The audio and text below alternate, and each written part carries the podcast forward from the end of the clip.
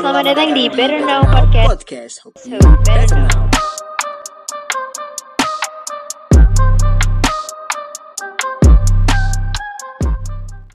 Nah saya di sini kok saya sih anjir kesan banget gue. Gue di sini mau lebih intim dengan teman-teman kayak gitu. Waduh. Kayak- Mas. Adit kan tadi kan dari Lampung. Ya, gue dari Lampung. Jangan jauh dari Batam. Apa cari masalah sama gue? Tidak dong bro. Enggak, enggak. Temennya begal bro. Temennya Iya. begal. Gue mau beri kesempatan Mas Adit untuk mengenalkan kembali diri Mas Adit secara lebih. Lebih dalam. Iya Oh, iya. Mas Adit ingin dikenal seperti apa untuk sekarang? Sebenarnya nggak ada yang menarik dari dari gue sih. Nggak ada yang menarik dari diri gue karena gue gue orang kampung sebenarnya gue orang kampung yang mencoba untuk mencari sesuatu hal yang baru atas dasar impian gue ke kota orang banyak sih pelajaran yang mungkin juga gue dapetin ketika gue memutuskan untuk kayaknya gue harus coba keluar dari dari zona gue deh gitu. Kayak kayak apa ya?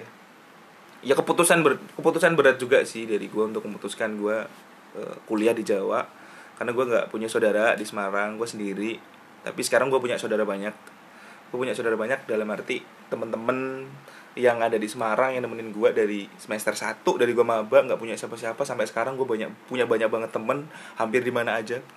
Eh punya relasi lah gitu. Ya itu memang karena eh, salah satu tujuan gue juga sih di Jawa. Kalau kalau bisa gue sendiri di Jawa tapi gue tetap gak membatasi diri gue untuk kenal sama siapa pun gitu loh. Terus gue gue dari Lampung gue gue lima bersaudara. Yang pertama kakak gue laki-laki tapi sekarang udah nggak ada kemudian lahirlah tiga mbak gue tiga kakak gue cewek semua. Dan gue terakhir. Gue anak bontot dari lima bersaudara. Kemudian eh, bapak gue kalau di Lampung itu banyak petani petani. Bapak gue petani terus ibu gue dari gue kecil itu kerja di luar negeri. TKW kalau bahasa apa ya bahasa pemerintahannya ya tenaga kerja wanita ya. Hmm. terus gue ditinggal sama ibu gue untuk ke luar negeri itu gue kelas 1 SD Wah, anjir. gue kelas 1 SD itu gue gua nggak tahu alasan ibu gue ke luar negeri waktu itu gue nggak tahu karena mungkin jadi sedih gue Ini yang dicari. Nah sih kayak gue dari kecil kenapa gue tadi disampaikan gue nyampein di awal bahwa gue itu orang yang manja sama ibu gue karena memang dari kecil gue udah jauh dari orang tua gue Hmm. sebenarnya ini kontradiktif ya Iya. kenapa gue terbuka sama ibu gue padahal gue dari kecil jauh sama orang Iya, tua itu. gue itu kan kontradiktif tapi gue tetap posisikan waktu itu gue sadar bahwa gue sadar waktu SMA kenapa ibu gue ambil pilihan kerja di luar negeri meninggalkan anak-anaknya dan suaminya bapak gue akhirnya gue kelas 1 SD ibu gue ibu gue berangkat ke ke luar negeri di Malaysia waktu itu terus pulang itu gue kelas 3 SD dan ketika pulang gue ngerasa asing banget sama ibu gue karena dari gue kecil ini kakak gue sih yang bilang dari dari gue kecil semenjak ditinggalin sama ibu gue kakak gue yang ngurusin gue jadi kayak eh, kakak gue ini nggantiin ibu gue Hmm. jadi kayak gue juga ngerasa ib- kakak gue itu ibu gue gitu loh.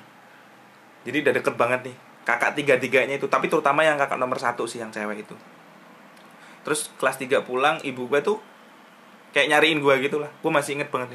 Terus kayak meluk gue terus gue kayak gak ada apa ya kayak Chemistry, gak ada chemistry kayak siapa sih? gitu kayak asing. Karena Lu dari dari ini? kecil ya kan. Iya. dari kecil ditinggal terus gue dikasih pengertian nih sama bapak gue itu ibu itu ibu yang ngelahirin kamu yang Iya, nyusuin kamu gitu gitu, ya.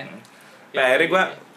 memberanikan diri untuk bilang kalau di sana gue manggilnya sih mama sih sebenarnya mak gitu tapi itu kayak kerasa asing banget karena panggilan mama itu waktu itu untuk mbak gue untuk kakak gue Oh. ke semuanya tiga tiganya gue panggil mak semua Oke, oke, oke. Mama. Dan gue juga waktu itu sempet diasuh sama mbah gue sih, sama sama, Sama opa, ibu, opa. sama ibunya ibu gue. Hmm. Cuma nggak lama sih waktu itu. Apa Gangnam Style? Itu. Dan gue waktu kelas 1 SD itu sakit, gue sakit folio. Gue sempet gak naik satu kelas Karena sakit. karena sakit itu gue folio, kaki gue cuma dibungkus sama kulit, tulang Wah, sama anjir. kulit. Terus akhirnya waktu kenaikan kelas bapak gue ke sekolah, bapak gue bilang udah nggak usah dinaikin pak karena anak saya nggak sekolah karena sakit akhirnya satu tahun nggak naik kemudian gue udah ngerasain bullying tuh dari kecil sebenarnya karena ketika saya ketika gue nggak nggak naik kelas gue udah dibullying sama teman-teman gue. Hmm. banyak tuh bullying. Ya ya waktu kecil sih sebenarnya itu kan kayak wah Adit nggak naik kelas jadi adik kelas. Terus apalagi waktu kecil kan kayak trauma healing tuh kan gue gak gue nggak dapet kan waktu Hmm. itu. Ya gue cuma bisa nangis pulang diejek gitu gitu gitu gitulah pokoknya saya akhirnya kayak terus lanjut lagi ke SD kelas 3 ibu gue berangkat lagi nih. Tapi nggak berangkat? Lagi? Gitu. berangkat lagi cuma satu bulan kayaknya di rumah itu. Terus akhirnya kelas 3 SD berangkat lagi pulang kelas 6 itu di di, di Taiwan. Sekarang nggak yang awal di Malaysia akhirnya pindah lagi di Pindah ke Taiwan. Lah Upin Ipin gimana? Iya. Waktu itu kayaknya gua belum tahu pinipin lah. Iya deh belum deh. terus kelas 6 SD itu ibu pulang lagi. Ibu pulang lagi. Tapi udah aku udah jadi orang yang mungkin ini ya. Agak deket gitu. Iya kenal tapi kayak kurang perhatian gitulah. Kayak kurang Eh. perhatian kayak ngerasa ya udah pulang ya udah gitu. Paling bentar lagi pergi lagi gitu mikirnya. Karena memang kedekatan sama sama kakak, kakak perempuan. Terus kelas 6 SD itu ibu pulang cuma satu bulan kayaknya juga di rumah, berangkat lagi. Berangkat lagi di Taiwan, kemudian pulang kelas 3 eh kelas 2 apa kelas 3 SMP lah, lupa aku. Pulang terus satu tahun di rumah waktu aku mau masuk SMA ibu berangkat lagi ke Taiwan sampai aku lulus jadi hampir dari kecil sampai aku SMA itu ibu nggak pernah ngelihat gua pakai seragam sekolah dan nggak pernah nganterin gua sekolah Anjir. itu dan kadang gua cepet iri sih sama temen-temen gua kayak eh lu bersyukur banget ya lu bisa dianterin sama ibu lo terus bisa ngelihat foto lo gitu walaupun dulu ya dulu kakak udah punya punya inilah udah punya smartphone buat kirim fotoku ke ibu bahwa ini loh an- anaknya udah besar udah sekolah udah SMP udah SMA gitu. Dan dari SD sampai SMA itu eh sampai SMP lah gue sempet jadi orang yang salah pergaulan gue nakal gue nggak pernah pulang Mabuk, narkoba. kalau mabuk narkoba nggak sih Begal. Iya, iya. nyobain pernah tapi nggak Nggak sampai begal, anjir. karena ngerasa penasaran kan kalau Iya, anak iya, kecil iya. kan penasarannya Iya. luar biasa ya tapi nggak sampai kayak terus ngikutin teman-teman yang Hmm. lain cuma ya sekedar pengen tajib apa sih rasanya kayak gimana sih terus kenal rokok akhirnya dari situlah ngerasa oh kayaknya kok salah pergaulan gitu waktu SMA naik ke SMA sampai lulus itu udah udah mulai sadar lah bahwa aku nih udah gede nih udah gede terus sampai kapan nih terus nyusahin Circle-nya orang tua. baik gitu. circle-nya nggak baik dan sempet waktu itu memang ada satu orang yang eh sahabat aku nih dari SMP sampai SMA yang bener-bener nerima bahkan sampai sekarang itu empat orang dua cewek dua cowok berlima sama gua cowok Spill spill namanya siapa nih? Eh, yang pertama sahabat gue yang kuliah juga di UNES Hmm. ambil jurusan tata boga tapi cowok. Pinter masak kayaknya dia sekarang. Itu namanya Edo. Hello Edu. terus yang kedua cowok juga. Dia kerja sekarang sih nggak nggak ngelanjutin kuliah. Tapi gue ya inilah saling semangat ini sebenarnya sih. Dia namanya Hasan. Terus yang kedua nih kemarin baru belum lama nih lulus ya di, di dia kuliah di Universitas Negeri Lampung dulu sebenarnya ngajakin kuliah di Lampung tapi gua nggak mau kuliah di Lampung Pengen di Jawa. pingin di Jawa itu ada Cindy sama si Okta Waduh. ini udah wisuda semua sih sebenarnya udah wisuda semua dan alhamdulillah mereka nggak molor nggak tahu nih tinggal aku sama Ido molor apa enggak terus Semoga. lanjut Abdul, lagi ya. Abdul, ada Abdul. Abdul ada nih teman kontrakan gue yang satu kos sama gue dari maba sampai sekarang Nih, aja, tidurnya anjir. bareng terus pokoknya gitu. Terus dari waktu itu yang bikin gue dilema adalah ketika gue lulus SMA. Hmm. Waktu itu ibu gue masih di luar negeri, masih kerja dan bapak gue waktu itu cuma nyaranin terserah karena kamu yang akan melanjutkan kehidupanmu sendiri, mau kerja silakan, kamu kuliah silakan. Kalau bapak sama ibu akan dukung kalaupun itu memang baik buat kamu. Terus waktu itu minta izin sama ibu, bu gimana nih bu, mau kuliah apa apa mau kerja? Ibu cuma bilang kamu kalau mau kerja kamu bisa apa? Karena memang dulu SMA anak IPS, anak IPS. Terus eh, ibu kasih pilihan kalau mau kerja ibu nggak bisa nyariin karena ibu juga masih pusing waktu itu di sana karena ngurusin visa dan lain-lain lah Hmm. cukup susah memang ke luar negeri terus eh, dikasih pilihan kalau mau kuliah ya kuliah dan dulu sempat daftar senam PTN itu gak ngomong sama orang tua itu nggak ngomong sama orang tua kayak ya udah daftar aja karena dulu kan SNM. beruntung-beruntungan ya kalau Iya, SNM tuh SNMPTN itu. gratis kayaknya ya. Gratis Dari jalur rapot jalur Iya, iya, nilai. iya. dulu daftar di Jawa juga nggak daftar. Jadi gua selama gua daftar kuliah tuh nggak pernah gua daftar di Lampung, Lampung. karena I itu see. tadi tekad gua salah satunya ya nanti banyak lah. Kenapa gua ambil kuliah di Jawa? Terus gue disuruh kuliah waktu itu udah SBMPTN gua ngerelain sama temen gue yang namanya Edo ini buat SBMPTN di Jawa. Waktu itu gua eh, tes SBMPTN itu di peleburan di kampus duanya Undip. Temen gua yang Edo ini tesnya di Tembalang. Pisah nih jauh. Terus akhirnya gue udah, gue udah tes kemudian gue hampir satu bulan waktu itu di Semarang. Gue tinggal di Gunung Pati di dekat UNES juga di lingkungan UNES. Akhirnya terus gue pulang karena memang waktunya cuma satu bulan. Akhirnya gue pulang nunggu pengumuman. Dan ada satu momen di mana gue ngerasa gue gagal dan bikin orang tua juga sedih menurut gue ketika pengumuman SBMPTN itu tidak sesuai dengan harapan. Gue nggak diterima waktu itu akhirnya gue gue mikir lagi bahwa kayaknya memang jalan hidup gue harus kerja deh setelah lulus SMA dan ada satu momen juga yang mungkin ini buat gue sampai bisa kuliah di Semarang. Waktu itu gue kalau waktu 2016 tuh masih gue masih pegang BBM BBM Davis tuh. Oh. masih zamannya tuh kerpin broadcast. Oh, iya, iya, ya kan? iya, iya, masih iya, iya. gitu gitulah Gila terus gue bikin personal message nih. Kalau BBM kan gitu tuh ganti display picture sama personal message. Ah gue gue gue bikin personal message. Gue masih inget nih. Cari kerja sekarang susah ya. Gue masih masih masih inget tuh. Ada terus ada satu komen dari kakak tingkat gue cewek. Kakak tingkat gue pas waktu SMA anak IPS juga ngomen kamu serius nih cari kerja? Kalau kamu serius kamu bisa ngirimin CV kamu ke perusahaan ini perusahaan A lah. Serius kayak kayak ngerasa karena mungkin kepolosan gue baru lulus SMA ya. Gue mengiyakan itu dengan kepolosan gue akhirnya apa aja nih mbak syaratnya? Terus juga dikasih semua tuh syaratnya. Gue terus gue penuhin syaratnya gue lengkapin dan ada satu momen yang juga bikin gue terharu. Waktu itu orang tua lagi nggak ada uang ibu juga masih ngumpulin uang untuk sesuatu hal yang direncanakan untuk keluarga dan bapak waktu itu hanya punya satu motor. Akhirnya bapak itu nyampein ke aku ketika aku udah sampai di tempat kerja. Bapak cuma pesen nang jangan eh, main-main karena kam, bapak sampai gadain BPKB waktu itu. Bapak gadain BPKB demi gue berangkat ke tes kerjaan gue itu. Dan lo tahu bahwa gue sam waktu itu di Bekasi di Bekasi. Dan sebelum gue berangkat ke Bekasi itu malam Jumat gue masih inget banget. Mm-mm. Ketika gue saliman sama bapak gue sama mbak gue gue tangisin tuh gue ditangisin. Karena itu momentum pertama gue per- pergi dari rumah gue ke eh, pulau orang ke kota orang gitu loh. Jadi kayak mungkin kayak ngerasa belum siap juga sih waktu itu mungkin orang rumah buat ngelepas gue Hmm. jauh. Karena mungkin anak laki-laki sendiri. anak laki-laki sendiri bontot sendiri manja banget mungkin. Saya gue sampai Bekasi gue sampai Bekasi gue telepon orangnya terus dijemput. Ada tuh di mes jadi sekitar bersepuluhan lah laki-laki sama cewek. Cuma tidurnya nggak bareng. Asik. dipisah. Terus gue nungguin hari Minggu. Gue hari Sabtu itu perkenalan lah kayak kayak orang baru kenalan sama mereka mereka yang udah lama di situ. Akhirnya Minggu tuh subuh gue udah mandi udah rapi.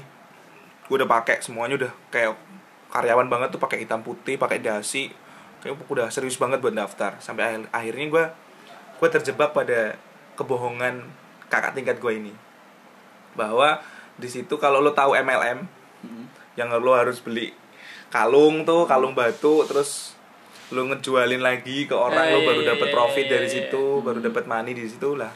Terus gue di situ ngerasa gue udah dibohongin dan gue tipe orang yang paling nggak suka dibohongin lah. Ya Hmm. mungkin semua orang nggak suka dibohongin. Tapi ketika itu gue ngerasa ini udah bohongin terus gue ngomong sama kakak tingkat gue bahwa mbak lu udah bohongin gue nih. Gue udah nggak percaya sama lu. Gue nggak mau nih join sama lu. Terus gue waktu itu udah HP gue matiin semuanya. Karena waktu itu udah banyak banget tuh telepon dari orang tua. SMS dari orang tua waktu itu. Dan gue nggak bales. Karena orang tua nanyain gimana hasil sur hasil wawancaranya gimana? Berat. Hasil wawancaranya gimana? Anjir. terus gue nggak bales waktu itu. Akhirnya gue ngontek nih temen-temen kampung gue yang kerja di Jabodetabek. Mulai dari Jakarta Bandung Bogor terus eh, Tangerang Cikarang Karawang dan lain-lain lah. Akhirnya yang nerima gue tuh yang Bandung. Dan gue berangkat dari Bekasi ke Bandung jam cuy. 1 siang itu dari Bekasi ke terminal lebih panjang. Kalau teman-teman tahu itu salah satu terminal di Bandung terminal lebih panjang dan gue sampai di terminal lebih panjang itu jam 6 jam 6 sore. Jam 6 sore terus gue telepon orang tel- telepon temen gue gue udah sampai Bandung nih dijemput sama temen gue dan gue nggak tidur di rumahnya temen gue karena temen gue juga itu eh, hidupnya numpang tuh di, di Hmm. rumah omnya. Akhirnya gue dicariin kosan dan waktu itu gue nggak punya uang untuk bayar kosan. Karena waktu itu kosan di Bandung tahun 2016 udah 450 ribu. Wow. dan dulu bapak nggak ada BPKB itu cuma dapat berapa ya? Satu juta lah. Aku dikasih satu juta dan itu untuk bayar travel itu sekitar 250 ribu. Jadi ke Bandung akhirnya gue utang sama temen gue gue utang dulu lah buat bayarin kos. Yang penting gue bisa tidur dulu gue bisa tenang dulu. Akhirnya terus waktu itu dicariin temen temen gue tuh cari kos terus dibayar sama temen gue itu pun mas itu pun gue utang gue utang. Terus juga dibeliin makan dan lain-lain. Akhirnya gue satu minggu ng- ngangkrak dan gue baru berani ngomong sama ibu sama bapak gue ketika gue udah di Bandung. Bu aku di Bandung. Aku nggak mau pulang dulu kalau aku nggak dapat kerjaan. Karena dulu gue udah ngerasa banyak banget ini dikorbanin dari bapak ibu gue gitu loh terus akhirnya training tuh di tempat kerjanya teman gue terus training itu jadi kerja di eh, collection bank jadi debt collector cuma nilfon eh, cuma minta uangnya itu lewat by phone lewat telepon. Eh. dan waktu itu eh, dari gajinya kurang kurang lah kalau untuk kehidupan di Bandung karena Bandung cukup mahal cukup Metropolitan hedon ya. metropolitan udah hampir kayak Jakarta Bekasi lah mahal-mahal. Terus eh, bilang sama ibu bu ini nggak cukup kalau untuk aku kerja dan nabung satu tahun dan kemudian aku kuliah. Terus gimana? Terus, terus ya nggak tahu ini tak jalanin dulu. Sampai akhirnya hampir tiga minggu atau satu bulan lah aku di Bandung. Dan waktu itu ibu tiba-tiba kayak ya aku kayak dapat mimpi lah kayak nang udah lari ke Semarang aja cari kuliah di sana. Karena dulu eh, keluarga gue tuh nggak mau kayak ya kalau lo dari SD sampai SMA udah negeri ya lo kuliah harus di negeri gitu loh. Kayak udah jadi kewajiban gitu loh. Sama bro. Kayak nggak kenal sekolah swasta gitu loh kayak nggak Iya, kenal iya, iya, kuliah iya, swasta. iya. padahal sebenarnya apa itu?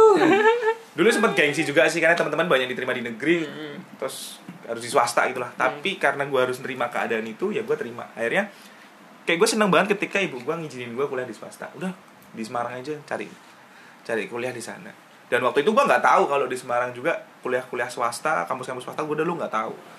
Terus gue lari dari nggak lari deh naik bus dari Bandung lari nih ya Allah. itu jam 7 malam jam 7 malam sampai bro. di Ungaran waktu itu jam 5 pagi. Dan Hmm. itu gak ada orang cuma ada satu ibu ibu-ibu yang baru buka eh apa namanya warungnya kayak kucingan gitulah terus gue lari di situ gue pesan kopi terus ibu nanyain dari mana mas? Dari Lampung bu. Mau ke mana? Mau ke Gunung Pati mau ke Unes. Aku cariin tukang ojek ya. Saya Hmm. cariin tukang ojek sama ibunya dan bener-bener baik banget waktu itu ibunya. Semoga sehat selalu ibu. Amin. Kemudian waktu itu ada tukang ojek terus nanyain mau ke mana mas ke Gunung Pati? Masih inget Gang Pete. Gang Pete itu eh, dulu kos kosan gua ketika gua SBMPTN di Semarang dan gue tinggal di Gunung Pati temen gua juga yang Edo itu udah di situ. Karena Edo ini ujian mandiri. Hmm. akhirnya gue dari kedainya ibu itu gue lari ke dianterin nih sama sama tukang ojek Lari apa ke ngojek? ngojek ngojek ngojek. Dianterin sama tukang ojek ke kosannya temen gue dianterin tuh sekitar jam 5 pagi teman gue masih tidur dan gue nggak berani bangunin gue nggak berani apa namanya ketok pintunya gue nggak berani. Gue tunggu di depan pintunya karena itu gak ada gerbangnya kosannya. Memang kayak apa ya kayak terbuka banget lah kayak terbuka banget akhirnya terus nunggu sekitar jam 6 dia bangun dia nggak percaya kalau gue udah sampai Semarang karena dia baru bangun loh lu udah di sini gitu iya gue udah di sini hampir satu jam di sini dan gue gak berani bangunin lo gitu. dan waktu itu pagi itu dia buka pengumuman ujian mandiri dan dia waktu itu buka keterima ya. dia nangis dan gue nangis gue bukan nangisin dia tapi gue gue nangisin diri gue sendiri kenapa gue dulu nggak ujian mandiri aja gitu. Tata boga juga. Dia tata boga. Dia ambil dulu am- si Edo ini ambil sosiologi sama tata boga tapi terimanya tata boga. Tata boga. kalau gue dulu cita-citanya pengen, pengen jadi guru tapi bukan guru SD sebenarnya. Gue pengen jadi guru geografi kalau enggak sosiologi antropologi. Ternyata Tuhan berkata lain akhirnya nggak diterima dan semenjak itulah eh gue bantuin Edo buat verifikasi data dan lain-lain. Kemudian di hari kedua atau ketiga itu Edo bantuin gue untuk cari kampus waktu itu kampus yang pertama gue tuju swasta adalah di Pantura Hmm? I think you know Oh iya iya iya iya Nah, iya. iya, tuh. iya. dan kurang gua ngerasa kayak ya mungkin ada ketidakcocokan mohon maaf ketidakcocokan di sana Mampus lo. Iya. karena Gitu, karena banyak juga pertimbangan sih sampai warga di situ tuh kayak ngomongin mas serius nih kuliah di sini gitu terus ya karena dulu dengan kepolosan gua gua nggak tahu gua ketidaktahuan gua kuliah swasta di apa kampus-kampus di swasta di Semarang itu apa aja. Akhirnya terus gua balik ke UNES itu dari UNES ke ke Pantura. kampus U ini gua nggak dapet hasil gua nggak dapet chemistry di sana. Kayak first impressionnya nggak ada. Akhirnya gua pulang ke UNES lagi ke kosan teman gua. Hmm. terus gue bingung lagi nih nggak ada opsi nggak ada opsi. Sebenarnya banyak sih dulu dikasih opsi banyak cuma nggak ada keguruannya. Karena gue dulu Oh, dulu tujuan pengennya utama gue guru, di ya. Terus akhirnya ada yang nunjukin nih satu mahasiswa UNES yang kebetulan samping kos kosannya teman gue itu yang satu bulan itu dulu ada nih mas kampus di deket kota Semarang Timur apa mas namanya dulu dulu masih terkenalnya kalau di UNES tuh Ikip. masih ikip Hmm. Ikip mas, Ikip mana mas? Coba dicari di di Google aja dulu. Akhirnya terus gue cari. Ikip tuh gak ada. Karena udah ganti nama sekarang di, di katanya 2014 tuh udah jadi Upgris. Karena ATS gabung jadi, jadi Ateis. Nggak ATS. ATS Akademi Teknik Semarang itu gabung ke Ikip Ikip PGRI Semarang. Akhirnya di Jadi ubris. meleburlah jadi nama Universitas PGRI Semarang. Itu sejarah singkatnya seperti itu sih. Iya, iya. Itu pun katanya sebenarnya. Tapi sempat baca juga bener sebenarnya. Terus akhirnya terus langsung turun dari UNES ke PGRI Semarang dan dulu kan kalau sekarang kita lihat di Upgris itu PMB-nya itu penerimaan mahasiswa barunya itu di gedung pusat lantai 2 Hmm. dan dulu itu menurut gua orang kampung kayak gua ngelihat situasi di gedung pusat lantai 2 itu udah menurut gua udah keren banget wah keren banget ya Ugris ya bisa segini padahal kampus swasta dulu mikirnya gua gitu bahwa aku mikirnya kan kampus swasta ya pasti di bawah banget di bawah di bawah kampus negeri lah Iya. apa pun itu dari fasilitas ataupun mungkin dari sistemnya dan lain-lain Jadi dia meremehkan. Wah. tidak meremehkan itu kepolosan saya waktu, Waktu itu dulu, waktu dulu. Nggak mungkin, nggak mungkin, nggak. tidak meremehkan Oke. Sekarang kan Antum kan beda. jangan mancing-mancing saya ya Terima Tapi kasih iya. Ugris sudah menerima saya dan akhirnya waktu itu tes kan tes di Ugris Akhirnya keterima. akhirnya terus pengumuman dulu ngambilnya PGC sama BK Hmm. PGC sama BK karena ibunya Edo itu BK. BK dan Iya, iya sih. direkomendasiin salah satunya tapi waktu itu ibu bilang terserah nah mau ambil guru apa ibu percaya sama kamu akhirnya PGS. dulu ekonomi gak pinter hitung-hitungan matematika sama aja fisika apalagi bukan Tambah. basic gua Iya. terus banyaklah prodi-prodi yang mungkin bukan basic gua. Dan gua sebenarnya nggak orang yang suka hitung-hitungan makanya gua nggak ambil itu. Eh ternyata di PGSD juga banyak hitung-hitungan. Statistika ge- geometri dan lain-lain. Ternyata banyak. Akhirnya gua menikmati kehidupan gua. Dan awal semester 1 sampai 2 itu gua nggak ngerasa nggak nyaman. Ternyata gua pilihan gua kuliah di Jawa itu salah ya. What? ada tiga poin yang buat gua pengen kuliah di Jawa. Yang pertama dulu ketika gua SMA banyak banget teman-teman gue yang nge-compare ngebandingin sistem pendidikan di Jawa dan di Sumatera terutama di Iya. Lampung. Nah, pasti bilangnya wah Bener, pendidikan bener, di Jawa tuh maju sistemnya keren dan lain-lain. Terus Hmm. kamu bisa dapat sesuatu yang banyak tuh di situ. Terus kayak gue mikir sebenarnya lo mau kuliah di mana aja lo mau sekolah di mana aja sebenarnya sama tergantung lo tapi gue kayak kepancing gitu loh kayak kayaknya bener deh cobalah gue coba dari timbul rasa penasaran itu. Jadi di Lampung pembelajarannya kurang. sebenarnya tidak kurang. Iya. sebenarnya tidak kurang. Karena waktu itu rasa kepoku ya rasa ingin Eh. tahu sebenarnya bener nggak sih nih Gue polos aja gitu ya? gue lebih ke ngebuktiin aja sih sebenarnya. Eh, bener iya, nggak iya. sih di Jawa itu maju dan memang sekarang gue ngerasain sih Ada bedanya. ada ya? bedanya lah tapi nggak usah disebutin Iya, itunya ya sistem bener. dan lain-lain Kurang. bukan Oh, itu oh, oh. Iya, sama-sama bagus tergantung orangnya Iya. itu yang harus aku sampaikan ke kalian ya supaya tidak salah paham Jelas. yang kedua, aku ini asli Jawa sebenarnya. Bapak ibuku orang Jawa. Bapak dari Purworejo, ibu dari Jember. Hmm. Cuma aku lahir di Lampung. Dan aku besar di kehidup eh, besar di lingkungan orang-orang Lampung. Walaupun memang orang tua ngasih pendidikan budaya itu budaya Jawa, mulai dari bahasa, mulai dari Tata ma- krama. tata krama, makanan dan lain-lain lah dikenalin dengan eh, budayanya Jawa. Cara begal di Jawa. Nah, itu. Lah, salah satunya adalah salah duanya adalah kenapa ambil kuliah di Jawa, yaitu aku nih orang Jawa tapi nggak tahu nih budaya Jawa mulai dari tata krama, makanan, kebahasaan dan lain-lain. Itu nggak tahu. kayaknya iya deh aku harus harus ngerasain kuliah di Jawa deh yang ketiga aku orang Jawa tapi nggak tahu rasanya hidup di lingkungan orang Jawa I Karena- see, I see. apa ya kayak ngerasa kadang sometimes aku malu nih kayak ya aku nih Jawa nih tapi Nggak. Jawa nih gitu nih bahasa iya. Jawa nih gitu kan nggak Jawa nih gitu kayak hilang gitu loh dan Hmm. ngerasa banget sih impactnya sekarang bahwa oh aku ngerasa ada sedikit banyak kejawaan yang ada di aku sekarang ya. dulu aku nggak bisa Jawa halus sekarang bisa Sedikit demi sedikit. sedikit demi sedikit belajar dan itu memang nggak ada di, di di mata kuliah ada tapi nggak ke dalam apa namanya ya situasi yang menuntutku untuk eh, bisa ngimprove nih Hmm. Kayak teman-teman ketika aku tanya ih ini artinya apa bahasa Jawa halus ini apa ini ini oh dari situlah aku tahu oh ternyata gini gini, dan ketika aku pulang waktu itu aku nyoba buat komunikasi Jawa halus sama bapakku dan Bisa. bapakku seneng banget kok Iya. oh, ternyata anak lanangku iso ya bahasa Jawa halus ya nggak sio-sio bapak le nyekolahke nang Jawa nah Iya. itu kan luar biasa sekali Iya. Benar. tuh mau Iya.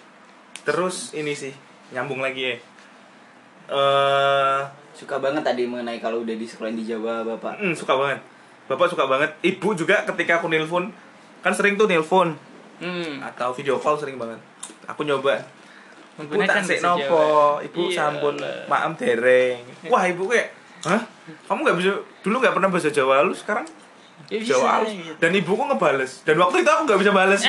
kan karena waktu itu kan ya juga ibu memang salah satu orang yang menurutku apa ya punya banyak punya banyak poten, punya banyak bakat sih. Ibu dulu ibuku dulu sinden dan Oh. mbahku bapaknya ibuku itu eh, punya sanggar tari punya sanggar punya sanggar kesenian lah lah ibuku Hmm. salah satu sindennya kenapa bapakku bisa sampai sama ibuku salah satunya Ya, sinden alasannya tadi. itu sinden Iya. terus Tak kirain tadi pas ketika Mas Adit "Be- Ibu sudah ma mpun maem dereng nah. Sampun, Cuk. Kamu anak siapa, eh? Kok berbeda Tidak, gitu ya? tidak. Nah, terus kaget kaget. ini sih saya mikir dulu sempet tuh semester 1 sampai 2 itu nggak nyaman banget di Jawa karena satu nggak punya itu tadi saudara nggak Hmm. punya tempat sambat nggak Hmm. tempat nggak punya tempat buat keluh kesah cuma punya ibu sama bapak lewat telepon sama mbak di rumah terus akhirnya ibu kayak nguatin aku kayak nang ini udah jadi pilihan kamu kamu laki-laki jangan jadi cowok yang cengeng jangan jadi laki-laki yang Iya. cengeng apa pun yang sudah diputuskan kamu ya dijalani. Kamu sudah banyak mengeluarkan tenaga. Apalagi orang tua sudah banyak mengeluarkan finansialnya. Iya. apalagi kalau doa nggak mungkin lah. Orang tua nggak ada yang nggak doain anaknya. Tak terbatas lah kalau itu. akhirnya terus dapat kayak support system lagi kayak dapat semangat lagi kayak oh iya iya iya iya iya iya. Akhirnya terus menyadari memang harus menjalani ini. Dan sempet tuh semester 1 tuh ada jarak sama teman-teman karena dulu mungkin beda budaya ya kurang Lampung Nah, yang- orang Jawa kayak ya ada pilih-pilih gitulah kayak Iya, pilih-pilih iya, berteman benar. pilih-pilih bergaul gitulah sih nggak masalah cuma yang jadi masalah adalah ketika bawa-bawa nama daerah ketika Iya, bawa-bawa iya, nama iya, suku iya. ini yang menurutku Iya, iya, kurang iya. juga Hmm. kurang aku buat aku nyaman ketika semester 1 sampai kedua gitu terus akhirnya ikut organisasi tuh karena merasa butuh kan dulu itu merasa butuh banget. Ih kayaknya aku harus ikut organisasi. Dan kebetulan ketika PKKMB atau Puma Puma di Inggris tuh ditawarin sama kakak yang ikut hima. Waktu itu himpunan mahasiswa. Dek kamu ikut hima ya waktu itu? Tawarin gitu. Hima itu apa sih? Dengan kepolosan juga nggak tahu. Dunia organisasi di kampus. Ya mbak besok ikut. Minta nomornya dimintain nomornya. Itu terus komunikasiin terus. Karena mungkin mbak itu ngoyak-ngoyak karena mungkin aku orang jauh ya orang jauh yang mungkin jarang pulang bisa buat Eh. 100% apa ngasih sesuatu ke, ke, ke, ke organisasinya akhirnya terus daftar dan sempat dua kali nggak ikut seleksinya dan teman-temanku hampir 100% ikut Ikut. seleksinya di, nggak diterima lah aku yang nggak ikut dua Anda kali diterima. ikut dua kali kan ada keanehan juga nih sebenarnya apa tuh tapi nggak nggak terjawab sih sampai sekarang Pasti eh mbaknya ngajak Mas Adit gara-gara ah, nih nggak ada keluarga nih pas di sini. mungkin salah satunya itu yang membuat dari beliau ini mbak-mbak ini menerima aku gitu. gitu. Mungkin. dan aku saat tapi positif tingginya adalah mbak ini peduli sih sama aku karena mungkin dia melihat situasiku dan mungkin kalau aku dulu pendamping pumanya nggak mbak itu mungkin aku nggak ngobrol sama kalian nggak kenal sama kalian lah katakanlah seperti itu akhirnya terus naik nih naik level nih naik level kemudian suatu ketika ada musyawarah besar gitu kan Dinding. lahirlah seorang Adit menjadi ketua himpunan mahasiswa. Hmm. waktu itu tidak ada harapan tidak ada cita-cita menjadi itu karena aku dulu mikirnya udahlah satu tahun aja yang penting udah punya temen udah punya teman ngobrol. Tapi dari orang-orang di situ kayak ya mungkin memberikan kepercayaan ya. Sebenarnya dulu nggak mau sih jadi ketua di mubes tuh ngeyel. Nggak mau nggak mau. Saya nggak siap dan lain-lain lah ketika. Itu kan banyak tuh persyaratannya di di Iya, diomongin iya, iya. ditanyain tuh banyak. Dan aku hampir semua pertanyaan yang diajukan tuh aku me- mentidak sanggupkan saya nggak sanggup nggak siap nggak sanggup nggak siap gitu. Terus akhirnya kayak ada ada dua orang yang menurutku berpengaruh selama itu. Aku berkecimpung di dunia organisasi di awal semester. Ada Mbak Cayati sama Mas Luri. Itu alumni PGSD juga dari prodiku. Sekarang udah kerja. Mbak Cayati udah PNS sekarang alhamdulillah selamat Mbak Cayati kemudian yang Mas Luri sekarang udah kerja juga di sekolah ngajar juga. Sampai sekarang komunikasi masih bagus juga sih. Terus akhirnya kayak kamu bisa kamu bisa. Akhirnya terus kayak ya udah mau nggak apa-apa. Dan saya mengeklaim diri saya waktu itu aku lahir dari sebuah keterpaksaan menjadi ketua hima. Ini mungkin bisa jadi ini ya apa namanya judul ya. Asik. Gimana nih? kayak ya aku menjalani waktu itu ketika jadi ketua hima memang aku lahir dari keterpaksaan bukan dari idealismeku untuk mau jadi ketua hima gitu loh. Akhirnya terus ya udah dijalani satu tahun. Waktu itu wakilnya Puspa. Masih. Puspa. Puspa Fitra Mas Laksana. Puspa, Mas Mas Puspa. Ini Puspa.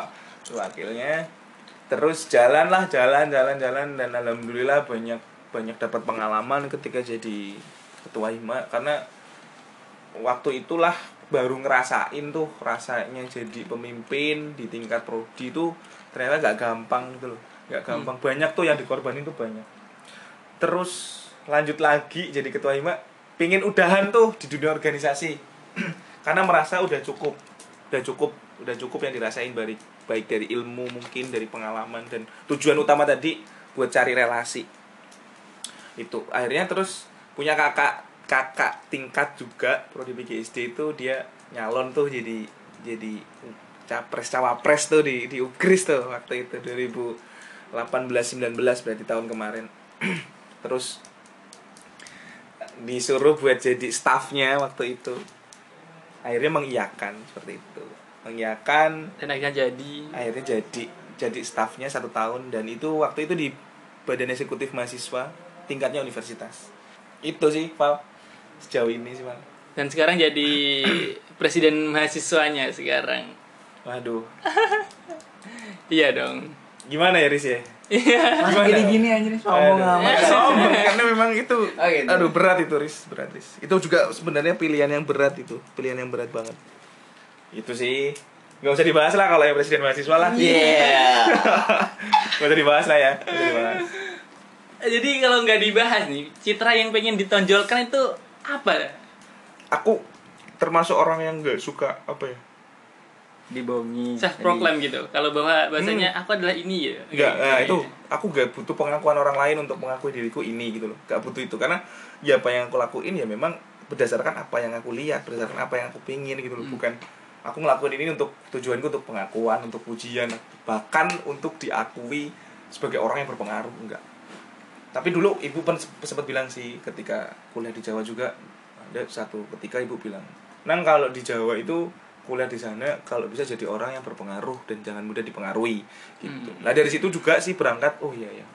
Dan ad- ada juga eh, di mana aku membatasi diriku untuk tidak mengenal orang-orang baru yang mungkin aku nggak tahu orang itu baik buat aku atau enggak gitu loh. Jadi ada pembatasan dari itu semua. Itu sih. Udahlah jangan presiden banyak jangan dibahas lah. aku kok takut ya. Kenapa dong? Kalau gitu menurut Mas Adit itu citra itu dibuat atau ada sendiri? Citra itu akan datang sendiri ketika kita melakukan sebuah hal yang memang tujuannya untuk kebermanfaatan.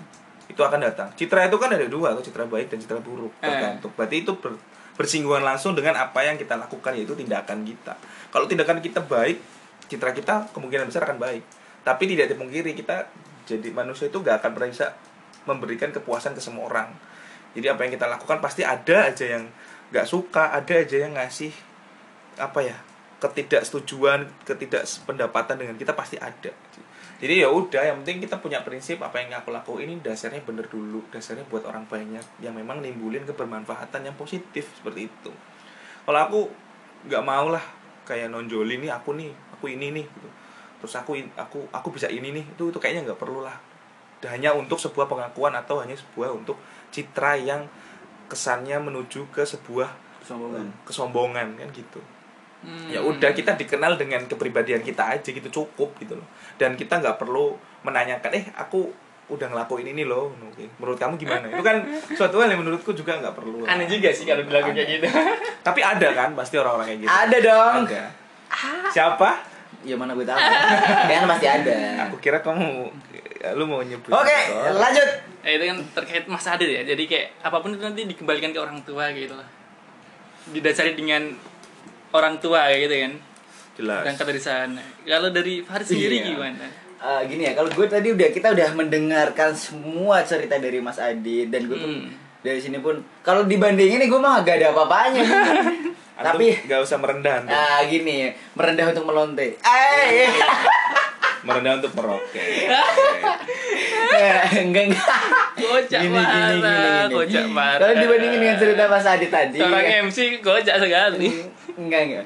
Gini ya memang gua nggak ada apa-apanya sih memang. Kalau dibandingin sama Mas Adi setelah dia bercerita tentang banyak hal gue pun di sini eh, sembari belajar dari Mas Adi tentang ya kita sama-sama belajar sini Riz. gue juga banyak. Enggak enggak Dari enggak. dulu. gue dulu. Gue sebenarnya gua diam. oh ya di diam diam dulu gue diam munafik sebenarnya ini.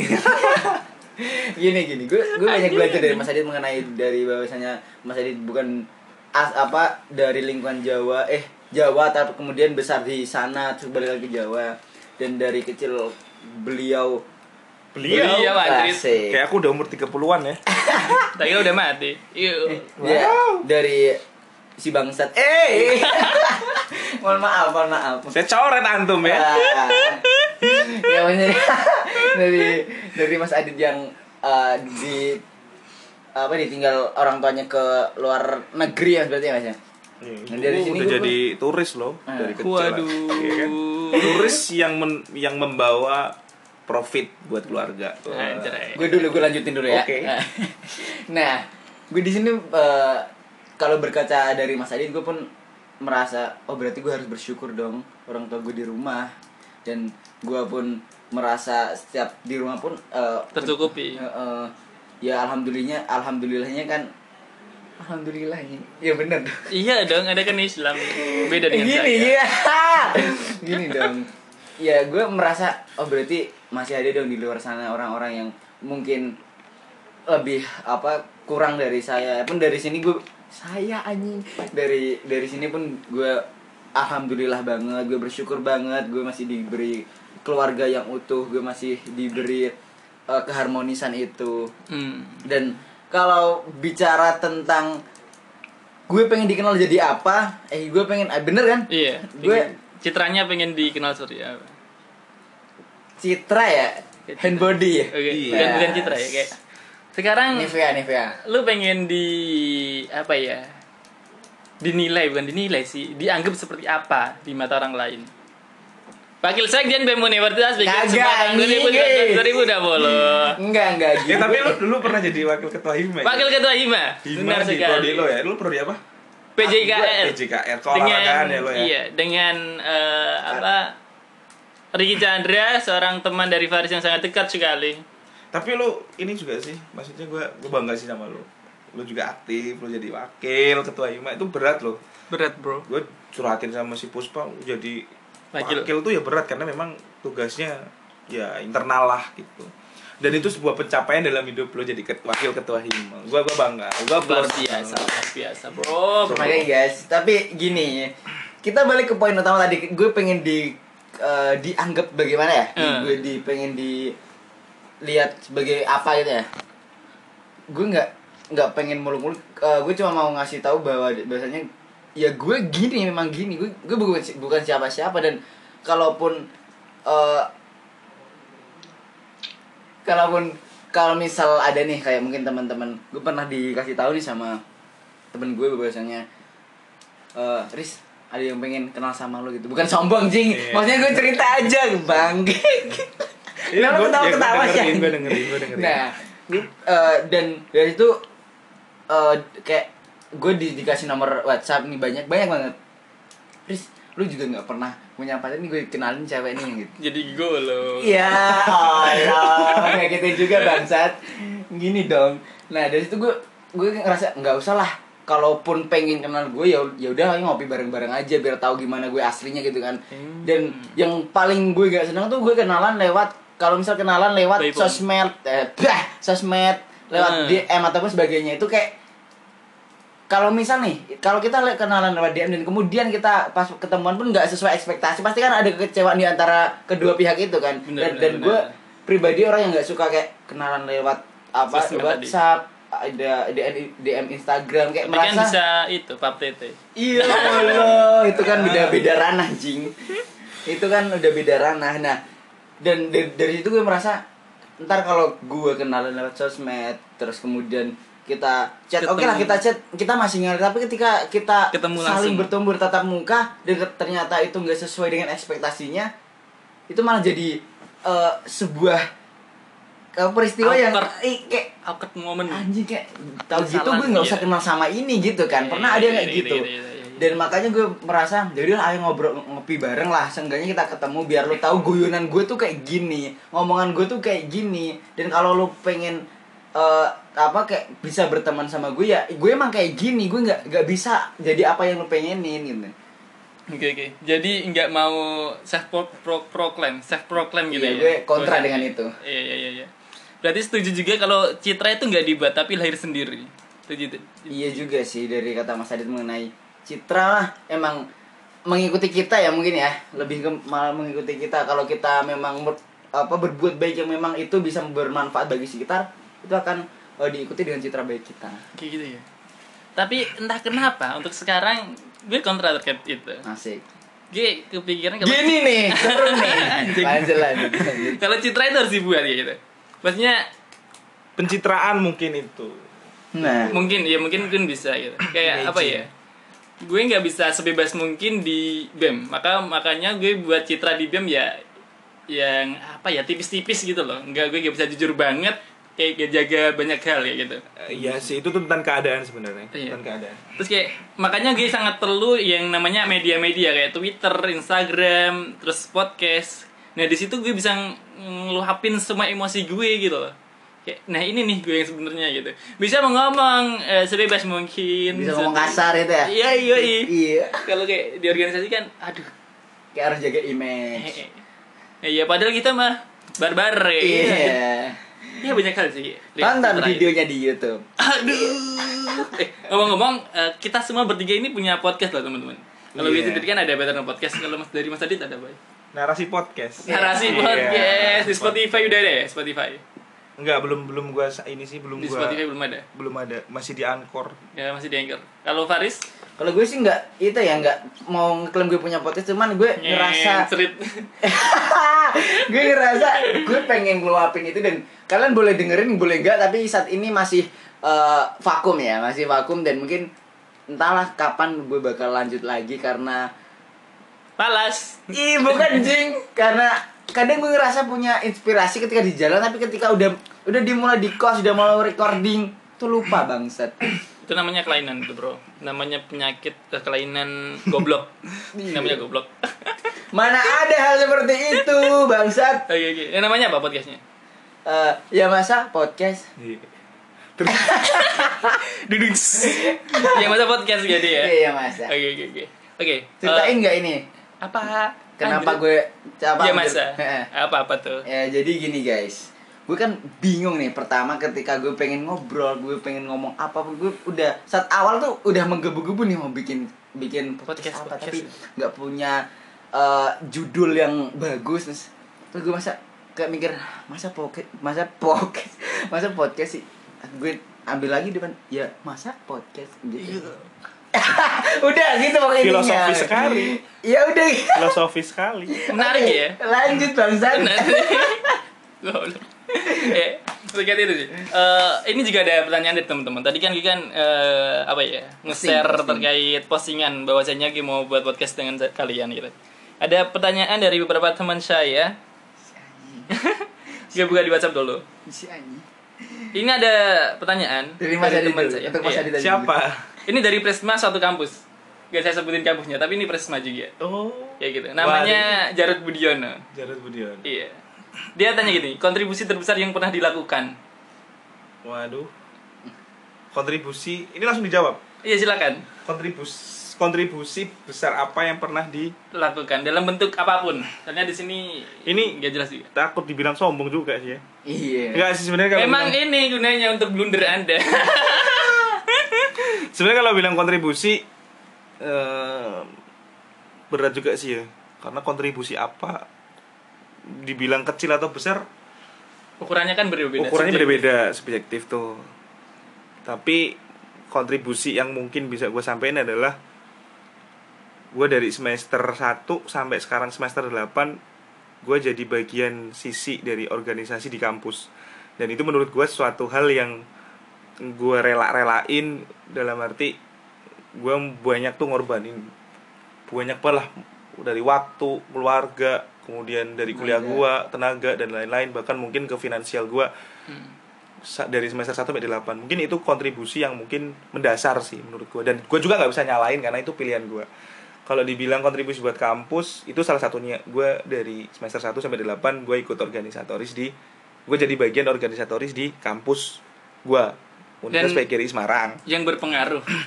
mungkin kalau orang bilang sih berpengaruh tapi menurut gue berpengaruh itu juga gue nggak bisa ngebuktiin tuh pengaruh apa yang gue udah kasih ke kampus itu nggak bisa Ah, iya, buktiin iya, iya, iya. tapi minimal rasa kepemilikan dan rasa kecintaan gue ke Ugris melalui sektor organisasi gue bisa omongin si ini dari semester 1 sampai 8 sampai sekarang gue masih menetap di dunia organisasi kampus kemudian untuk bukti kontribusi yang lain ya gue bisa eh sampein ke teman-teman bahwa mungkin salah satu tanggung jawab terbesar gue sekarang adalah gimana caranya gue bisa memposisikan diri gue sebagai eh, presiden mahasiswa yang mungkin eh, diharapkan oleh mereka-mereka ini yang meng- mengharapkan gue selalu ada buat mereka ketika mereka membutuhkan gue. Lah ini bersinggungan banget sama waktu karena satu kali 24 jam dengan laporan 3 sampai 5 orang yang minta bantuan atau mungkin yang eh, harus gua tolong, harus gua bantuin mulai dari gua serap aspirasi dari mereka, kemudian komunikasi eh, dari mereka ke lembaga atau ke lembaga ke mereka. Inilah yang menurut gua juga salah satu yang bisa gue sampaikan bahwa itu mungkin kontribusi yang sekarang masih gua usahain dan gua optimalin buat temen-temen gitu. Kalau bentuk kerja nyatanya mungkin teman-teman yang dengerin ini bisa tahu lah. Atau mungkin yang kenal kenal gue bisa ngerti lah apa yang udah gue lakuin buat kampus. Karena gue nggak mau juga gue nyebutin ini program kerja ini gue udah lakuin kemudian dampaknya ini yang dari gue lakuin. Karena menurut gue itu perspektif lo, lo semua gitu loh. Iya, iya. dan gue nggak bisa memaksakan lo harus suka dengan apa yang gue lakuin. Karena noise banget nih kalau gue harus maksa lo buat seneng sama gue kan gitu itu balik lagi ke lo Iya, iya, benar juga. Terima kasih Mas Jarot ya tadi ya. Iya, iya. Terima kasih Mas Jarot atas pertanyaannya sungguh mengedukasi sekali. Dan Mas- cukup membuat saya kebingungan. Takut blunder ya gitu. Takut blunder. Lepas Faris gimana? Itu juga pertanyaan buat gua. Iya dong, umum ini. Anjing gue apa ya gak ada Wakil Ketua Hima. Iya. Wakil Sekjen BEM UI. Luar biasa sekali ya. Iya, iya, iya. Iya. Sekarang asisten dekan. Iya. Dekan enggak, fakultas anjir. Wah, luar biasa sekali antum kontribusinya. apa ya gue udah disebutin tadi ya ya ya apa gue nggak bisa ngeklaim gue gue pengaruh banget gue nggak gue pernah ngasih ini buat kampus cuman cuma bener gue gak bisa jawab anjir karena Untuk diri Anda lah, untuk diri kontribusi diri sendiri Ya. Iya. gue terima kasih sudah bernafas Iya. apa gak ada gak ada Oh, gak iya. ada bang Jarad gak ada Iya. gue gak ada kontribusi buat siapa pun Jadi itu jawaban dari Mas Iya, Faris selaku wakil sekjen Universitas Negeri bodoh amat dah Oke, ada pertanyaan lagi. Ini cukup eh, lebih ke ngeselin sih. Ini dari teman BK, yaitu Ivana. Kalian sudah punya pacar belum? si bang Aduh, nggak bisa di skip gak sih pertanyaan? Kayaknya ini lebih ke mending kita tukeran nomor WhatsApp aja deh. Iya. Jadi biar kita bisa bisa tanya tanyanya bisa langsung langsung dijawab gitu loh. Atau mungkin besok kita ketemuan aja lah. Iya lah. Enggak enggak enggak sih kalau gua mau jawab. Gua gak gua gua sendirian, Belum ya? belum. Mungkin hampir tiga tahun dari semester 2 eh semester 3 lah. Semester 3 sampai sekarang gua gua gua, gua Belum nggak ada. ada prioritas di di situ juga sih. ya mungkin kalau deket ada tapi bukan deket yang untuk perasaan atau mungkin untuk kebutuhan biologis gua. Ya, dalam arti eh, sebagai penenang gua sebagai Iya, iya, penasihat gua sebagai pengisi hari-hari gua sebagai pengingat gua tuh sampai sekarang belum ada. Dan yang mungkin ada tapi itu ibu gua. Hmm. bukan seseorang selain ibu gua gitu. karena yang intens nanyain gua ngingetin gua itu ibu gua. Dan untuk Ivana terima kasih terima kasih Jadi sekali jawabannya belum ada dari Mas Adit. belum ada Eh, ini Mas Faris. Anjing apa lu tanya beginian sih bang kayak Oke, gue, anjir. Gue mau jelasin gini.